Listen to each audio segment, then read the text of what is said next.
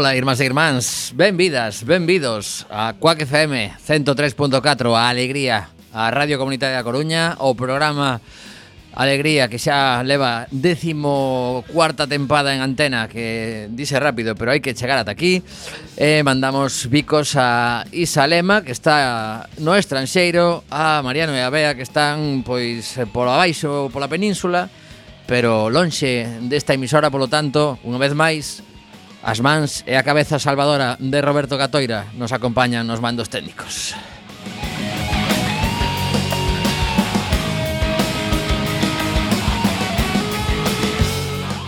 Non podo negar que ler nun xornal, neste caso digital, que o xuiz da Operación Lezo imputa a Villar Mir, exministro, e moitas máis outras cousas, así como un tipo eh, mega forrado que de feito agora mesmo quere vender unha serie de negocios que ten en Galiza pois provoca unha lonxana satisfacción se si é que realmente, como moitos sospeitamos, non é trigo limpo. Que estou maior mental eh. Falaremos diso, pero tamén comentaremos que hai unha nova sorprendente porque a UCO pide investigar a Cifuentes por cohecho e prevaricación no caso Púnica. Pero si Cifuentes era a que destapaba outros casos. Cristina, que pasou?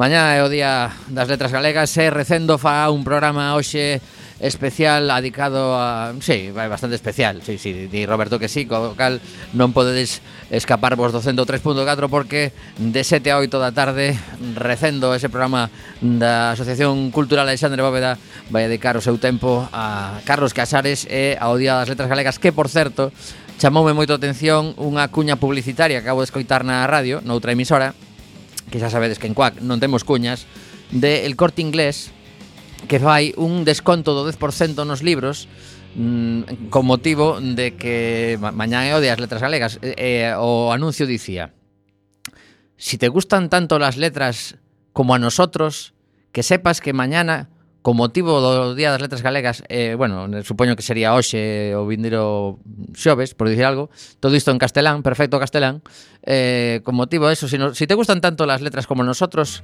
eh, ven a, a la planta de libros del Corte Inglés porque te vamos a hacer un descuento del 10% para que leas con motivo mm, do Día das Letras Galegas, pero en castellano si é posible. Bueno, cousas destas de, que non, non nos sorprenden, pero mm, ao mesmo tempo sí que chaman a atención. Unha vez máis lembro que hai unha altísima porcentaxe de publicidade na televisión de Galicia que se emite en castelán todos os días.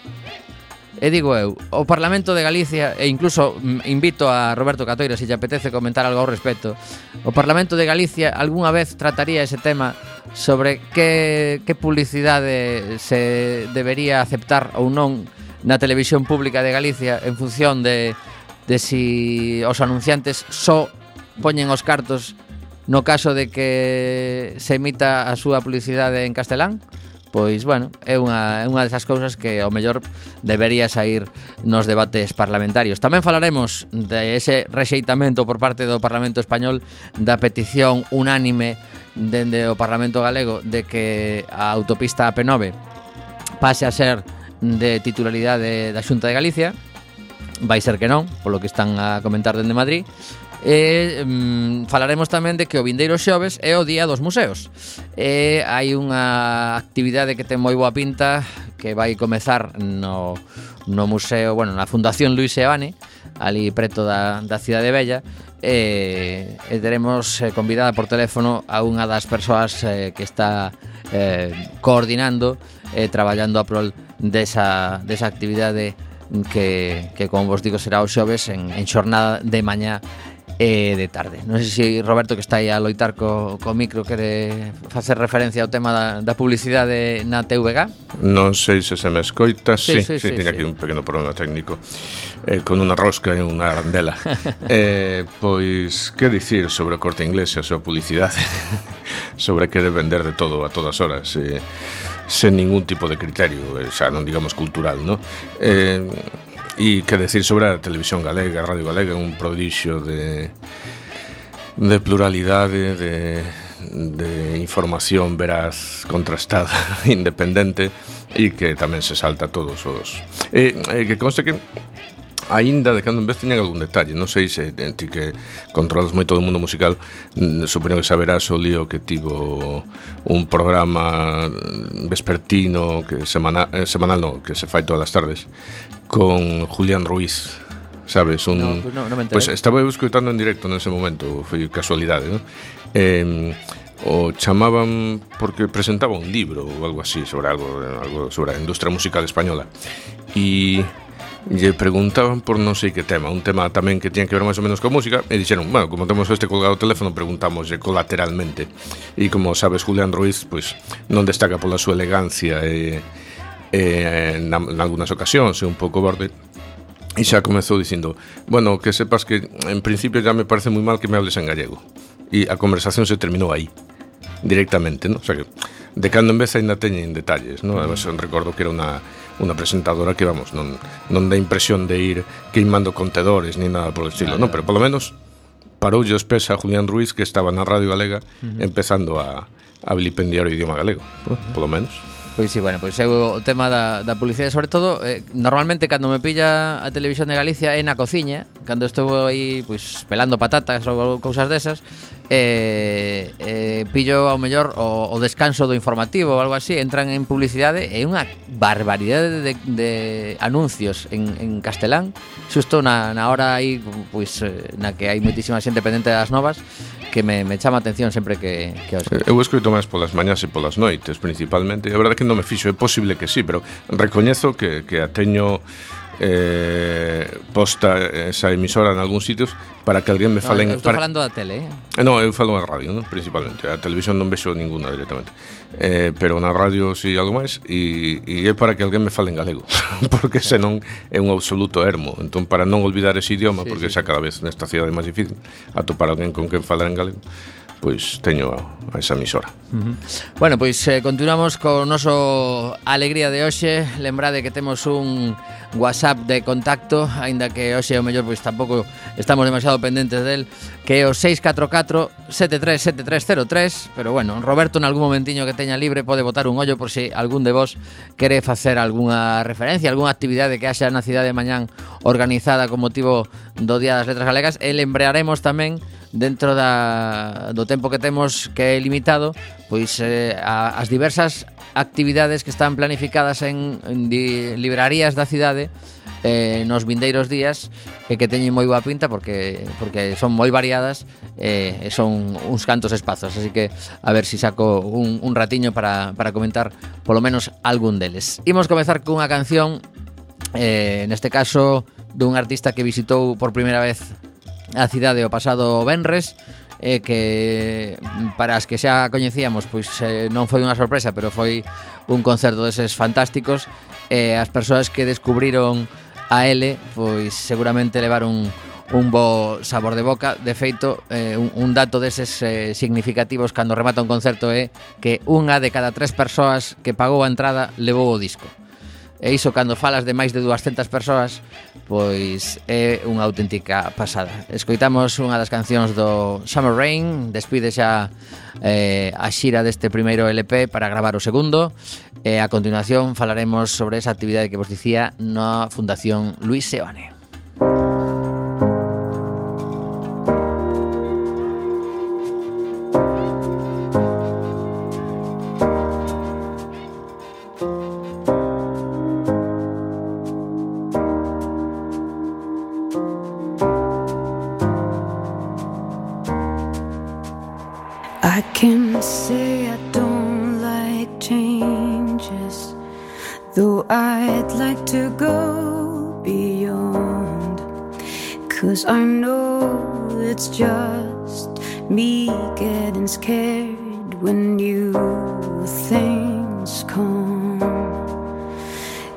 See myself wondering will my friends chase their dreams?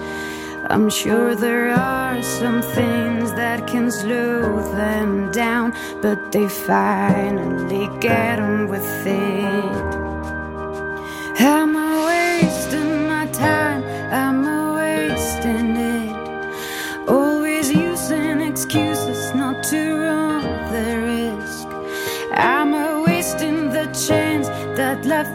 monster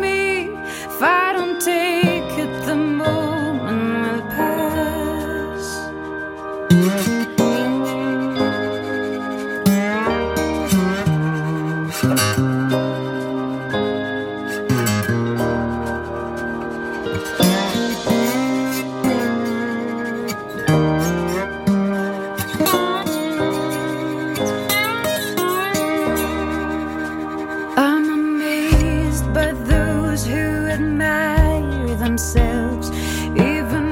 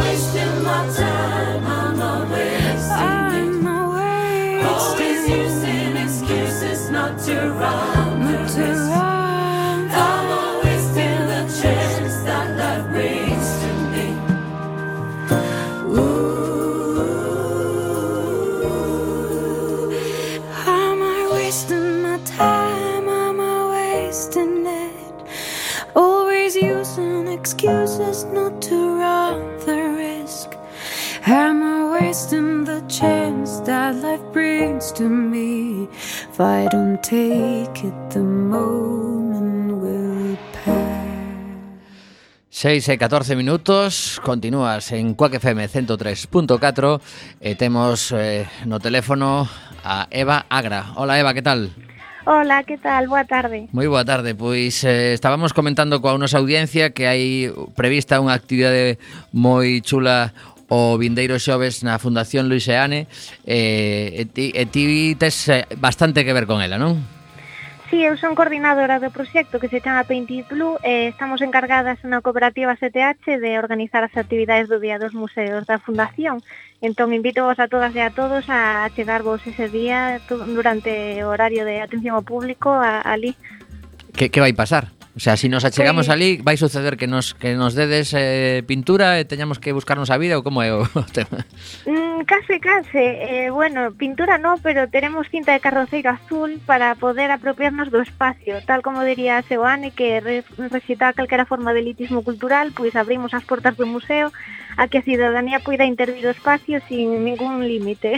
Caramba, eso, eso é moito dicir, porque non sei se coñeces todo o, o edificio do museo, pero vais a poder subir a terraciña esa que teñen tan chula, por exemplo? Bueno, tanto no. estaremos na parte do vestíbulo que é máis accesible, uh -huh. estaremos ali pois eh, diferentes artistas educadores da cooperativa, e eh, tamén haberá intervencións performáticas na rúa, eh, rúas relacionadas coa vida de Seoane, será sorpresa, así que ah, estaré vale. atento. O sea, hai, hai que hai que achegarse ao museo e sair dali con vos para saber onde son as performances ou, ou vai ser un pouco casualidade que te atopes con algún artista na rúa? A ver, estarán encargadas da, das performances Félix Fernández e Carol Fernández, eh, serán nas rúas de Payo Gómez, Sánchez Bregua, eh, na zona de Orzán tamén. Será durante a mañá. Ajá. É un pouco sorpresa para que todo o mundo este a expectativa, pero bueno, haberá indicacións ali de, de a donde van. Uh -huh. eh, o, o tema de Painting Blue, para os que vimos o cartaz, pois máis ou menos sí que podemos imaginar de que de que vai o tema, pero nos dicías antes eso, que vai ser cinta de carroceiro azul, eso uh -huh. que metíchedes nun, nun bote de pintura azul un montón de cinta de carroceiro ou, ou como foi o proceso? No, que va, parece mentira, pero sí que existe a cinta ah. de carroceiro de cores. vale, vale, pois pues Decidímonos polo azul porque tamén é unha cor relacionada co mar, que está relacionada con Coruña, e Seoane empregaba moito azul, debido Ajá. a que tamén migrou un montón, entón recordaba o mar, e por iso decidimos eh, pois usar eh, a cor azul. Uh eh, -huh. E ti como artista eh, te definirías de algún xeito concreto ou, ou é difícil? Eh, é difícil cando hai que falar de un mesmo máis que, que dos demais, pero definiríame como unha ilustradora de, de luces e sombras. Caramba. Bueno, pois no, eso non está nada mal para para que a xente investigue. Tes eh, páxina de Facebook? Sí, como Revi Art. Eh, pero se me buscades por Eva Agra salen un montón de sitios. Xa vos Ajá. explicarei que significa como Revis. Vale, vale. O, o vas a explicar eh, tamén o xoves para a xente que se achegue ali, se si te preguntan? Quen queira chegarse pode preguntar eh, pola Fundación, por SEOANE, por CTH, por Comorevi. É un espacio no que intercambiaremos un montón de, de ideas, de queremos facer unha comunidade artística e coa cidadanía para falar de todo e apropiarnos do espacio. Entón, ali vale todo, podes Ajá. preguntar lo que sea. Vale levar eh, comidas eh, e bebidas tamén? Imos comer todos xuntos os da cooperativa, ah. así que, que se queira sumar Vale, vale. Pues mira, hai, hai un ratiño, estiven de casualidade, porque atopámonos ali unha compañeira eh, de CUAC, que tamén é socia da vosa cooperativa, Diana Sieira, eh, ah, sí, eh, claro. que, que manda saúdos, porque foi, foi eso, eso de cruzarse por Coruña e dicir, pois pues vou falar con Eva, ah, pois eu estou na cooperativa, xa sei, ah, vale, pois estupendo. Diana é un amor. sí, sí, a verdade que, que outra das persoas que seguro que aportaría moito si se poda chegar, de feito, dixen, no, isto comeza pola mañán, pero non sei cando, canto durará, pois agora xa eh... podemos informar que ata as 9 da noite xente. Sí, eh, efectivamente, hai, hai de 11 da mañá a 3 da tarde eh, veñen as visitas de coles da comunidade educativa de 5 da tarde a 9 da noite, invitamos a todo o mundo que se achegue e a comunidade artística. Vai haber unha performance eh, culmen aí ás seis da tarde de Félix e de Carol na propia fundación. E tamén estarán os artistas Diana Rodeiro, Ernesto de Cico e Vanessa Trinidad que son socios da COP eh, tamén guiando a xente para a ocupación do espacio e demais. Uh -huh. eh, ti que supoño que investigarías un pouco sobre a, a figura de, de Luis Seane para este proxecto uh -huh. eh, con que te quedas? porque era un home deses eh, que, que tería non unha, sino milleiras de entrevistas, non? Sí, a verdade é que lle daba todo, ademais. Pois eh, me quedo con que mm, quería transformar a, a, a realidade a través da arte e que eso, quería eh, rachar co elitismo cultural e achegarse a xente. Ese é o que máis me... Uh -huh máis me gustou de, de descubrir a Seoane. E como, como practicaba esa, esa misión que tiña na vida? Pois un pouco nos faladoiros, por exemplo, tenemos un faladoiro a sete da tarde no que invitamos a todos os artistas que se acheguen e presenten os seus proxectos, pois nos faladoiros eh, relacionábase moito non só co tecido cultural de, de propio Coruña, sino que coa xente que se achegaba os, os bares, por exemplo, nos que facíamos faladoiros pois para interesarse un pouco pola creación. Ajá.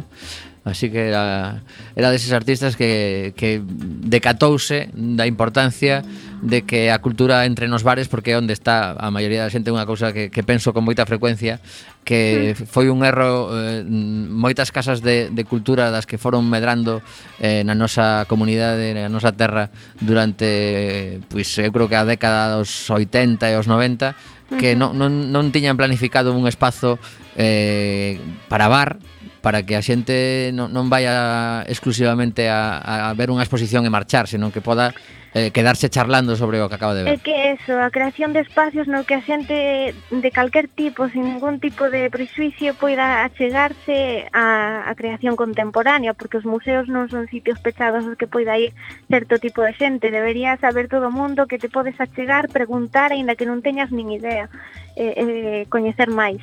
Uh -huh. No teu caso, eh, en que momento tiveches a sensación de que eh, a arte, de alguna forma, sería fundamental na túa vida? Pois pode ser cando decidimos crear a cooperativa no 2014 que fixemos un proxecto de ocupación tamén de espazo eh, en área central en Santiago e fixemos local disponible foi unha iniciativa de Clara Rodríguez Cordeiro, a miña compañeira de cooperativa, e aí pois empecé a, a coñecer un pouco a comunidade contemporánea da que eu non me sentía parte, e, e vin que sí que se podía crear un tecido no que todo o mundo pudera achegarse, desde a veciña do quinto hasta o mecánico do lado, ou eu que sei, pois un artista performático de Coruña. Uh -huh. Non sei, aí foi cando empecé a decir, eh, pois a creación artística ten algo que dicir no día a día da xente. Ajá. E, e a nivel persoal, mm, cando colleches os, eh, os lápices eh, a xente que estaba ao teu redor, a túa familia, dicía, pero esta, esta rapaza ten, ten xeito para isto de, de pintar. Home, sempre dixeron desde pequena. Outro caso é que dixeran, esta se vai a dedicar a isto. Pois eh, iso foi un pouco despois de salir do instituto e dicir que que fago da miña vida, pois estudiei fotografía e logo ilustración en Ourense, e acabei no 2014, non hai tanto, e creei a cooperativa e aí dixen, pois quero me dedicar a isto, non quero facer outra cousa. Uh -huh. Ti de onde és? Eu son de Santiago. Ajá. E que, como foi esa, esa etapa de, de aprendizaxe de, de ilustración en, en Ourense? Pois eh, eu creo que foi dos mellores anos da miña vida. Pero bueno, me queda moito por vivir. Sí, sí, bueno, eh, dos, que, eh, dos que levas vivido. Sí, dos que levo. Pois eh, fui, sobre todo, aprendindo os compañeros e compañeiras, parece mentira. Eh, Antonio Failde é unha, unha escola fantástica pero tamén se crea unha comunidade aí de, de compañeiros dos que vas aprendendo día a día e a verdade é que foi moi enriquecedor nese sentido. Sabes que en, en Coruña temos eh, viñetas do Atlántico Dende hai moitísimos sí. anos celebrase eh, en agosto eh, Pois chega xente de, de todo o mundo afeccionadas a, a banda deseñada eh, Supoño que dentro do sector eh, pois é xa un certame con, con unha clara referencia para, para ver o que se está a cocer Hai pouquiño pecha, rematou precisamente unha exposición de Miguel Anxo Prado ali no Quiosco Alfonso, que estaba chulísima, eh, e supoño que aí tamén se aprende, non? Nese tipo de, de eventos. Sí, eu tento ir todos os anos por ali porque son a fanática do cómic, sempre me achego ás firmas e todo, a xente debe pensar que estou un pouco así en plan fangirl, pero me gusta moito, entón sempre coñezo a xente interesante e me intento achegar a todo o que podo. Uh -huh. eh, eh, cando, cando se fala, porque estas cosas eh, dende fora, para os que non temos nin idea, ademais somos incapaces de, de pintar un casi casi un moneco de neve. Eh, cando, cando vas a unha charla dun ilustrador, eh, que se conta? Porque realmente parece difícil transmitir a través de palabras pois, o proceso creativo ou, ou trucos de, eu que sei, de, de, de sombras e luces, como dicías ti antes. Eh, que, que vos contades entre vos, entre os ilustradores? Como son as conversas? Mm, pois parece mentira, máis que nivel técnico nos contamos un pouco como sobrevivir no mundo da ilustración. Hai pouco fun a unha charla de que presentou a ASPI na, na mostra esta de MIX, non sei se a coñeces, na mm. Auditoria de Galicia, eh, presentaron a Guía Ninja do Ilustrador, e ali estaban Guitián e, e Rubín, que son uns grandes, pois contando un pouco que tipo de trucos podes facer para sobrevivir no teu día a día, pois eh, as facturas, eh, que leva IBE ou non leva IBE, mm, ese tipo de historias. Eh, son moi útiles, a verdad que é necesario, é unha, unha profesión moi individualista, pero na que sí que necesitamos dos demais para poder seguir crecendo e avanzando. Ajá. E hai unha asociación galega de ilustradores ou algo similar? Sí, a Asociación Galega de Ilustradores das Profesionais Da Ilustración, que é a ACPI, que eu estou afiliada, eh, e aí é un pouco pois a, a guía oficial do, para os ilustradores e ilustradoras de, de Galicia. Uh -huh. eh, notades de alguna forma que o tema de, de estar nunha asociación pois eh, axuda de cara á visibilidade do voso, do voso traballo e incluso a, a saber que reivindicar cando os problemas son comuns, supoño. Sí, é fundamental unirse eh, e, e facer forza contra un montón de historias que ti solo non, non poderías. Uh -huh.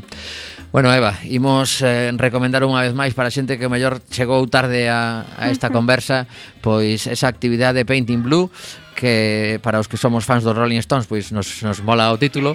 Eh, contanos de novo o horario, sitio e eh, que vai pasar. Vale. se si, hai, hai que levar algo ou, ou simplemente no, nada, nada. a tinta cinta de carroceiro temola nos. Pois uh -huh. eh, eh, Painted Blue, proxecto de creación colectiva multidisciplinar. Eh, teremos cinta de carroceiro para intervir o espacio da Fundación Luis Seoane o vindeiro 18 de maio que é o Día dos Museos 2017 e o horario será de 11 a 3 da tarde e É de 5 a 9 da noite. Esta vez todos e todas invitados e ali vos queremos ver. Pois moitísimas grazas por esta conversa eh, A ver se si teño un ratiño Que a miña vida tamén é bastante frenética Para chegarme a ese espazo que, que me encanta Precisamente onte mesmo estiven ali Por, por outro tema que, do que vou falar agora Porque estábamos a, a colaborar un pouquiño Dende esta asociación na que estamos Coa que FM co Festival Noroeste porque temos un, un concurso de, de bandas e eh, aportamos tamén bandas galegas a, ao Festival Noroeste. Así que Fantástico. coñezo ben o espazo e sempre un placer achegarse ata ali, xa non só polo, polo edificio en sí e o que hai dentro, senón porque o entorno é espectacular. Moitísimas grazas, Eva, e que saia Nada, de vos. maravilla. Vale, chao. miquiños, chao. Bueno, pois xa vedes que hai unha actividade e seguramente non será o único museo, que teña actividades o vindeiro xoves, o que sí hai que dicir que hai unha problemática bastante seria no Concello da Coruña cos traballadores e traballadoras dos museos científicos que agora mesmo ven como remata eh, a concesión que estaba en vigor eh, que era a empresa que, que lles daba traballo. Eh, non se sabe que, que vai suceder. Parece ser que o, o concurso mm, para que unha nova empresa concesionaria eh, pois leve a eh, a xestión dos, dos museos científicos vai quedar deserta e polo tanto pois eh, non sei se si o, a solución será que se asuma por parte do Concello esa xestión ou o que sucede, pero bueno, a, a convocatoria de, de manifestación esta mañán aínda continuaba, se non hai pois sorpresa de última hora, nin mañán nin os xoves poderase eh, asistir a, a eses tres museos científicos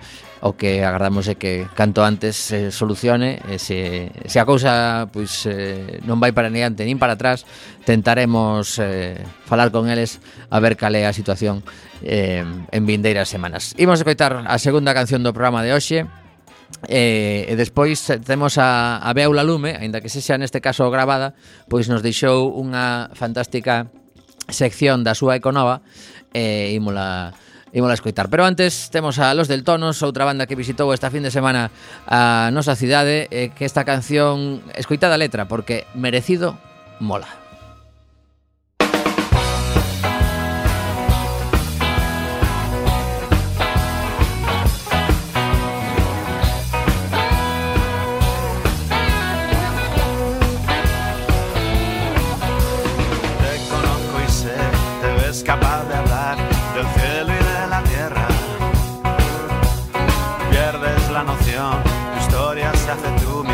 Puertas se cierran.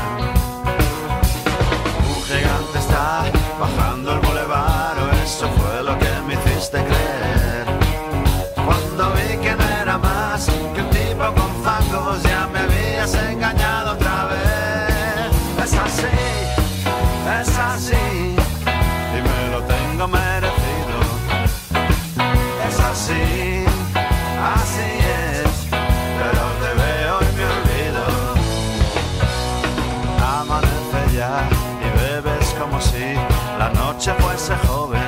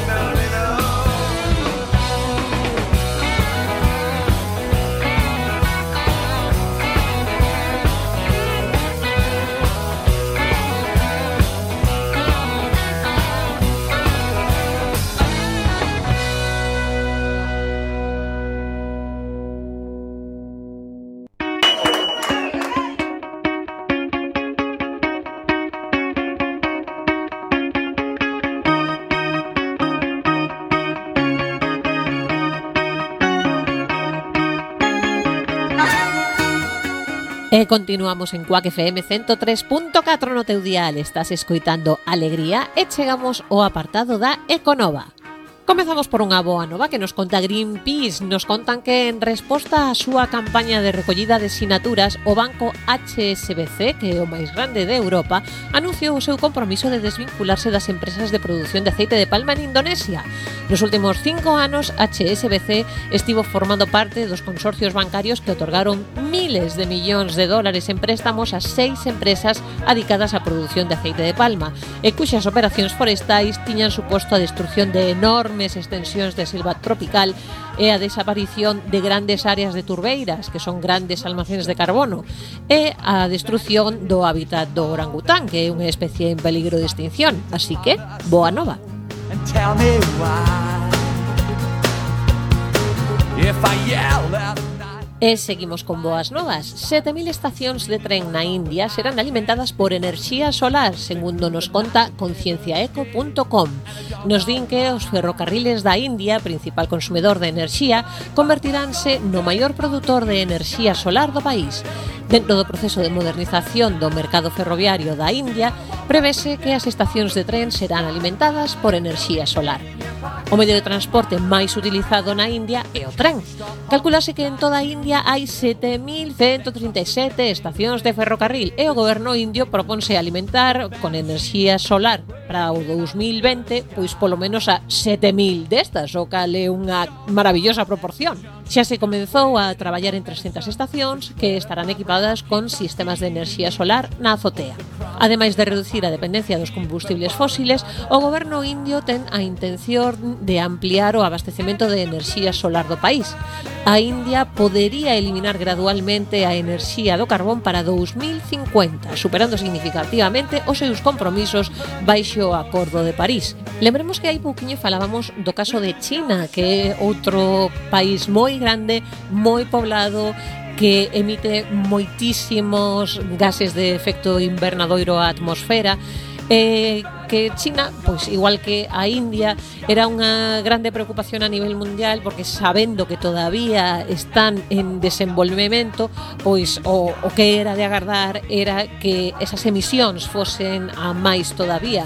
Porén, O caso de China, como falábamos outro día, é que eh, en lugar de querer continuar con enerxías fósiles, apostan polas enerxías eh, solar, eólica, etc. Non só a nivel gubernamental, senón tamén a nivel institucións como universidades e así.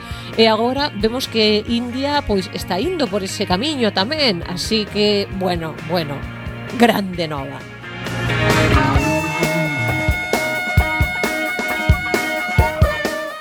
É unha nova curiosa da man de un.org. As comunidades indígenas son esenciais para o éxito das medidas para combatir o efecto climático, segundo un informe da Organización Internacional do Traballo e da Oficina da ONU para a Reducción do Risco de Desastres. Segundo esta pesquisa, estas comunidades constitúen só un 5% da poboación mundial, pero coidan preto dun 22% da superficie da Terra e, ollo, protexen un 80% da biodiversidade do planeta. Aí é nada. O estudio enfatiza que para que a acción climática sexa efectiva, os povos indíxenas deben ser vistos como axentes de cambio e deben ter acceso a oportunidades de traballo decente, de xeito que poidan desenvolverse como unha comunidade innovadora que aporta o deseño de iniciativas e políticas. Out where the river broke, the blood Por outra banda, contanos lavanguardia.com sobre un vídeo secreto que amosa que Shell sabía dos perigos do cambio climático dende hai 26 anos. Este vídeo foi redescoberto e sacado á luz polo portal periodístico holandés de Correspondant en colaboración co británico The Guardian. A multinacional anglo-holandesa Shell alertou en 1991 dos riscos reais e palpables do cambio climático, pero non actuou acorde ás súas propias advertencias. A compañía gravou un vídeo divulgativo a principios dos 90 chamado Climate of Concern, que podedes ver en YouTube, destacando os principais perigos do quentamento global e advertindo que, comiñas, a realidade do cambio climático está apoiada por un amplo consenso de científicos, pecho comiñas. Mira ti, e ainda hoxe, no 2017, hai xente que o pone en dúbida. Xa en 1991 a petroleira vaticinaba que, comiñas, as islas tropicais que hoxe apenas sobresaen da auga volveránse inhabitables para ser logo inundadas polas augas. Os acuíferos das terras baixas costeiras do mundo, indispensables para a agricultura e o suministro urbano, serán contaminados, pecho comiñas. O vídeo de cerca de 30 minutos advertía das variacións extremas de temperaturas, inundacións, hambrunas e os seus damnificados que afectarían o mundo enteiro de seguir queimando nes enerxía fósil. A cidade estaba pensada para ser difundida en escolas e universidades, pero nunca chegou a ser vista. A mí, na verdade, que personalmente o que me chama a atención é que chegaran a gravalo, pero bueno...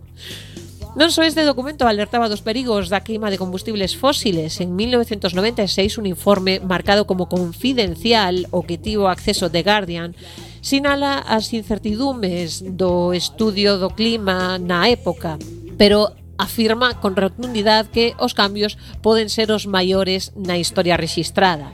A compañía adica a maior parte das súas inversións na explotación de combustibles fósiles, aqueles dos que alertaban a cinta e principais causantes dos gases de efecto invernadoiro investiu miles de millóns de dólares en proxectos de exploración e explotación altamente contaminantes no Ártico e resaltou o fracking como unha oportunidade futura en 2016, a pesar de que os seus propios datos amosaban que os métodos non convencionais de explotación de petróleo e gas eran incompatibles cos obxectivos climáticos. De feito, en 2015, a compañía gastou, segundo de Guardian, 22 millóns de dólares, cantidade nada despreciable, na súa presión contra as políticas que enfrontan o cambio climático. Como parte do lobby petrolífero e como membro de grupos de presión, esta presión surxiu efecto recentemente ao frear os obxectivos europeos en materia de enerxías renovables. E ata aquí a Econova de hoxe. Viquiños e feliz semana!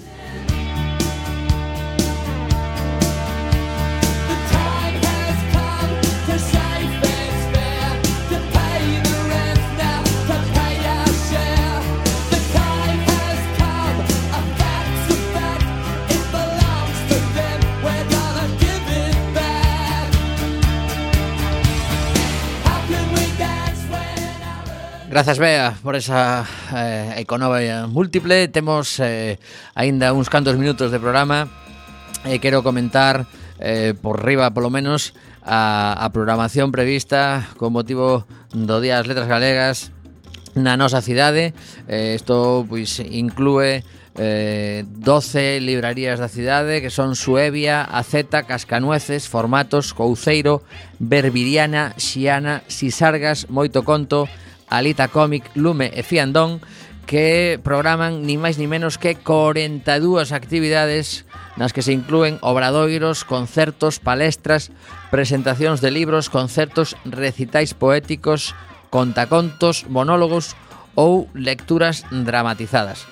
Eh, todo isto, pois eh, eu creo que o máis operativo vai ser que comparta a información que, que está na páxina web do, do Concello Tamén podedes acceder a ela a través do Facebook da Concellería de Culturas da Coruña porque porque son tantas que eh, eh resulta complicado facer agora un, un relato porminorizado sen que toleemos todos e todas porque porque son moitísimas cousas. Entón, pois eh, vou facer ese ese copia e pega no, no meu Facebook, se queredes, Tomi Desastre, e, e ides botando un ollo ao que este previsto.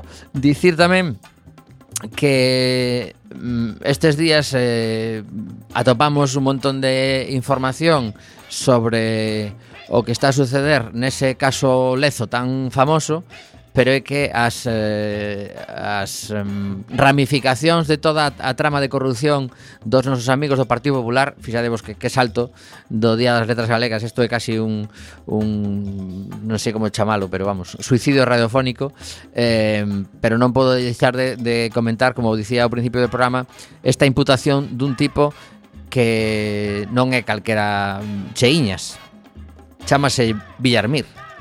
E Villarmir pois debe ter unha cantidad de, de cartos, non sei se si son en España ou tamén no estranxeiro, bastante considerable. E o feito de que un xuiz se anime a, a imputalo e a investigar as súas eh, falcatruadas, pois xa é un avance porque o tipo este debe ter eh, moitísimo que, que contar. Eu que sí que agardo que en algún momento da nosa historia algún dos que ameaza con tirar da manta de verdade tira da manta. Porque mm, lembremos que Bárcenas foi un dos que dixo Como me leven o cárcere Tamén é certo que anda por aí pola rúa. Pasou unha temporada e agora está pendente de suizo Despois está o amigo Puyol Amigo Puyol, pai, me refiro Tamén dixo que ia, ia escarallarse a democracia En caso de que lle pasase algo a él E que tiña un dosier mm, demoledor tampouco sacou aínda nada. E neste caso, pois temos a estes eh, 52 investigados nos que tamén está a muller de Ignacio González, famosa polo, polo ático ese en Estepona, eh, o xerente durante 20 anos do Partido Popular en Madrid, Beltrán Gutiérrez, está tamén imputado no, na trama púnica e agora súmalle esta imputación no Lezo, na, na, na Operación Lezo, E, así que Eloi Velasco vai ter chollo para regalar estes macro suizos, pois non sei ata que punto son asumibles por un único xulgado nos que en paralelo estánse a levar outras causas, xa, porque isto eh, vos podeis imaginar, imaginar a cantidade de información que, que se está a manexar para, para determinar as culpabilidades de todas estas 52 persoas que van a ser investigadas. En concreto, o, o, o que máis me chamou a atención antes de mentras estaba preparando o programa, pois é que Juan Manuel Villarmir é empresario e dono da constructora OHL, que non é unha das constructoras pequeniñas, senón unha das máis grandes do país, e que foi registrada no marco da Operación Lezo. Villarmir foi imputado na peza separada dos papéis de Bárcenas no seu momento, aínda que finalmente el suiz levantou a súa imputación como fixo co resto de empresarios. Lembremos unha vez máis porque isto non está de máis facelo, que cada vez que falamos de corrupción e de corruptos, esquecemos con demasiada frecuencia aos corruptores, porque se non hai ninguén disposto a poñer cartos, pois posiblemente isto non tería sucedido. Evidentemente son cartos que non son seus, sino que son nosos e que eles eh, a raíz de, de recibilos da administración correspondente, pois devolvían unha parte en comisións a amigos políticos eh, seguramente, pois tal como se está a demostrar e parece bastante verificado xa, a famosa caixa B do Partido Popular que en diversos autos está demostradísimo que participaba nas eleccións eh, con unha grande avantaxe con respecto aos seus competidores porque tiña moitísimos máis cartos que non debería ter para esas campañas que están tasadas en canto se pode gastar. E dito isto, tampouco está de máis que fagamos unha reflexión que viña eu eh, conducindo para aquí e dicía se as cifras que nos contan que se levaron estos tipos en millóns de euros, que parece pouca cousa, os medios de comunicación as publicasen todos os días, dende hai unha pila de anos, en pesetas, porque lembremos que unha importante eh, cantidade de votantes do Partido Popular o que siguen manexando casi na súa cabeza é eh, as cifras en pesetas, pois posiblemente terían un maior castigo nas eleccións ao saber que o, cando están a falar de un millón de euros están falando de 166 millóns de pesetas, cando falan de 10 millóns de euros falan de 1.660 millóns de pesetas, e así incrementándose ata o infinito e máis ala. Pero bueno, comentado isto, non quería tampouco deixar de falar doutra nova que esta sí que mm, realmente eh, habría que buscala e ler con calma. O precio da luz e o gas en España ten subido o doble que en Europa dende o ano 2007. Exactamente, na última década, en plena crise económica con salarios reducidos e eh, moitísima xente traballando a tempo parcial, o prezo que pagamos os españois é a subida, a subida, non o prezo, a subida é do doble que no resto de Europa, facendo a media, evidentemente. Entón, aquí nos contan que a subida nestes últimos 10 anos foi a seguinte, En electricidade estamos a pagar un 63% máis que no ano 2007 e no gas un 48% máis. E, evidentemente, hai unha serie de empresas, por non falar do, do caso Castor de Florentino Pérez, que xa non vin o programa, pero polo visto tratouse o pasado domingo en Salvados, e debeu de moitísimo medo, pois dicir que mm, que estas cifras que podería estar comentando, isto é unha, unha información que teño aquí de, de hoxe mesmo en el diario El Confidencial, por si queredes buscalo, pois son das que deberían facer que ese, ese Parlamento Europeo fixera algún tipo de investigación, igual que nos mandan a, a xente aos tipos de negro estes a investigar que estamos facendo cunha subvención europea ou cousas destas, pois tamén deberían investigar que está a suceder para que as empresas españolas nos cobren a electricidade e o gas a uns prezos moito máis elevados que aos nosos mm, conveciños dos outros países europeos. Sería vos sabelo. Imos subir un momento a sintonía porque regresamos a Galicia.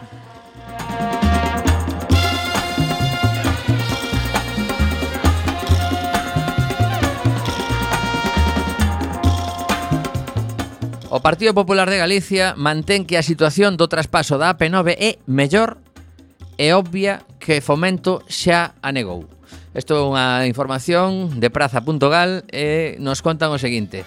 Tres días foi o tempo transcorrido entre a aprobación no Parlamento de Galicia por unanimidade e por segunda vez da petición de transferencia de competencias da AP9 a Galicia e a afirmación rotunda por parte do ministro de Fomento dunha nova negativa ao respecto. Comillas, a titularidade ten que estar onde está, resumiu Íñigo de la Serna dende a Moncloa. Como anteriores ocasións, a claridade do veto do ministro ás reclamacións galegas tentou ser matizada dende as filas do Partido Popular de Galicia. A transferencia é complexa, pero a situación é mellor que noutras ocasións, mantén o partido que sustenta o goberno da Xunta. Mentres, dende a banda esquerda do Parlamento, choven as críticas polo que en Marea, PSDG e BNG consideran unha nova evidencia da falta de peso político de Alberto Núñez Feijó ante o executivo de Mariano Rajoy. O voceiro parlamentario dos conservadores, Pedro Puy, rexeita esa acusación ou a implicación da súa organización nunha nova tomadura de pelo ao país. Hai tempo para convencer, o gabinete, o gabinete de Mariano Rajoy e ese tempo asegura vaise aproveitar. Tamén podría ser unha táctica por parte do Partido Popular de alongar este proceso ata que chegue o momento eh, das vindeiras eleccións e se apunten un tanto porque realmente facelo agora pois posiblemente quedaría esquecido cando chegue o momento de acudir de novo a, a votar. Porque estes tipos, eh, e non digo só o Partido Popular, sino que hai moitísima estrategia na política e ás veces se esquece que si algo realmente se pode mover como neste caso debería ser a transferencia para ver que pasa con esa AP9 que a todos nos machaca, pois a, non sei se a, voulle preguntar a, a Roberto si psicolóxicamente eh, polo menos a mí me pasa, psicolóxicamente resultame máis doado tirar cara a Lugo, que sei que non me van a zoscar na autopista, que tirar para o sur. O que pasa é que hai moitísima máis actividade no, no que eu me movo na, na parte cultural, aínda estiven hai pouquiño en Pontevedra, E, e ao final acabamos indo pola, pola P9 case sempre Pero a ti pásate algo de psic psicolóxicamente eso de outra vez autopista? Bro? Eh, eu non sei se, se son un bo exemplo para eso Pero primeiro a miña dinámica vital dos últimos anos non me leva a sair demasiado da cidade eu sei que me estou facendo maior e aquelas panzadas kilométricas que me daba aí algúns anos as dou menos E cando vou a algunhas xuntanzas cara ao sur, polo eixo atlántico, onde por onde queda a P9, se non estou moi eh, apretado de tempo, eu vou pola nacional, pero encantado. Baja é unha estrada, sí, sí, sí, sí. E, e, por exemplo, se si falas ir a Santiago, eh, eu que non son de pisarlle, eu cumpro as normas, xa sei que son un, un espécimen raro neste país, pero cumpro as normas de tráfico máis ou menos, chegar a Santiago son en torno a 40 minutos, porque leva máis tempo casi entrar e sair, entrar, sair desta cidade e entrar na outra, uh -huh. que tal. Eh, eh, e se vas co, pola nacional tardas 15 minutos máis ou algo así. Non, non, non son unhas diferencias de tempo terribles, sí, de, car, cartos, de, de carburante e sobre todo, que o que, o que a mí me leva a facer eso, de tensión a hora de conducir, porque a mí me, me non é que me tensione, vamos, pero que me me, me presiona un pouco te, o tema de ir pola autopista e que estás casi obrigado a ir a 120 e se si non te miran e te eh, señalan con el dedo, non? É unha cousa tal, mentras que pola, pola estrada vas moito máis tranquilo, relaxado, tal. E non, e non tes a sensación de que o mantemento da Nacional 550 está un pouco abandonado precisamente para que pois, a xente pois, decida A ver, eh A uso non a uso demasiado, pero cando iba eu creo que estaba bastante digna. O problema é que eh, eu creo que hai moita xente que está tan eh, obsesionada co tema de se si encuentro un bache ya me vou por la autopista, non vaya a ser.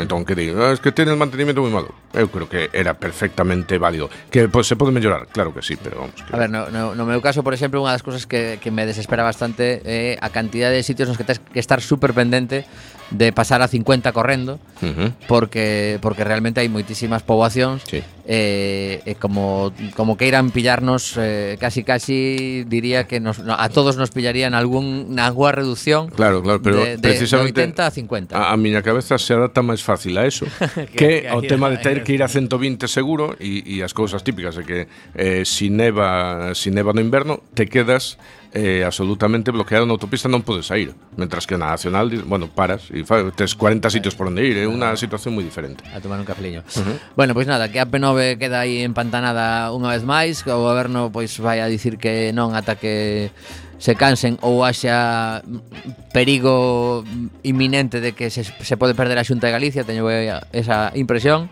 pero pero bueno, seguiremos atentos, eh, se hai que presionar de alguna forma, pois pues eu me apuntaría a esa presión. Aínda falaba onte con un músico eh, eh, un, un tema recurrente que, que se fala entre os músicos é que cando eles san, saen a traballar porque para a xente que ten, por exemplo, o, o telepeaxe ou a tarxeta de Audasa que existe, pois tes a opción de que cando vas e volves no mesmo día hai un desconto na, no traxeto de volta descontanche cartos pero o problema que teñen os músicos é que sempre regresan ao día seguinte de cando saíron para traballar. Entón non lles conta a, a, a posibilidade de desconto. Poden poñer os bolos a 6 da tarde e xa claro, e que claro, digan, claro. sí, sí, o facemos a 6 para, claro, claro. para coller o desconto da autopista agora y... convence a xente para que vaya os bolos a 6 da tarde. Ese é o problema. Bueno, quedan tres minutiños. E como o programa de recento xa ven super preparado e ten un montón de contidos, hai unha petición popular aquí nos, nos pasillos de Quack FM para que rematemos eh, o Alegría de hoxe cun cun tema músico vocal que se chama así aos que somos moi clásicos eh, que gañou o pasado sábado o Festival de Eurovisión por parte dos nosos veciños de Portugal. Eh, evidentemente pois pues, eh, no, nos alegramos como dicía eh, Gema que é un triunfo da lusofonía e que hoxe debería soar pois, en, en Quack FM así que imos despedir o programa ata o vindeiro martes. Non vos vayades do 103.4 e deixamos a voz de Salvador Sobral. Antes de ti, só sem nada para dar. Meu bem, ouve as minhas preces, peço que regresses, que me voltes a querer. Eu sei que não se ama sozinho, talvez devagarinho possas voltar a aprender.